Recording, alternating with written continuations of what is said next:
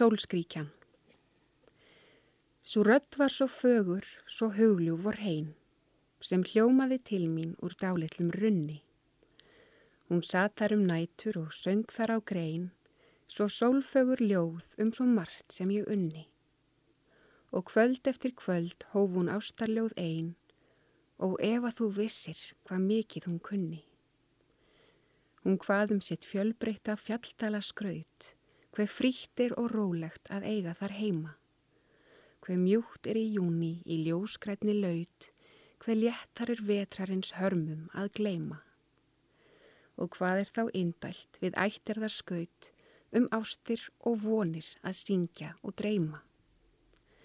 En sætust af öllum og sigrandi blíð, hún söng mér þar ljóðin um dalbúans næði, um lundin sinn kæra og lingróna hlýð, þó lítil og fátækleg væri þau bæði.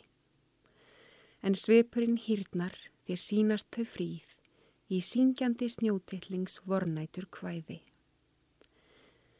Þar söngun í kyrðinni elskugans óð um óbyggðar heiðar og viðsýnið fríða og æskunar barðglaða blíðróma ljóð sem býður þess sumarið aldrei að líða. Því sitja þar vorkveldin hlustandi hljóð því heika þar nætur og dreymandi býða. En fjarr er nú söngur þinn sólskríkjan mín og sömur þíns vinar hinn fegurstu liðin.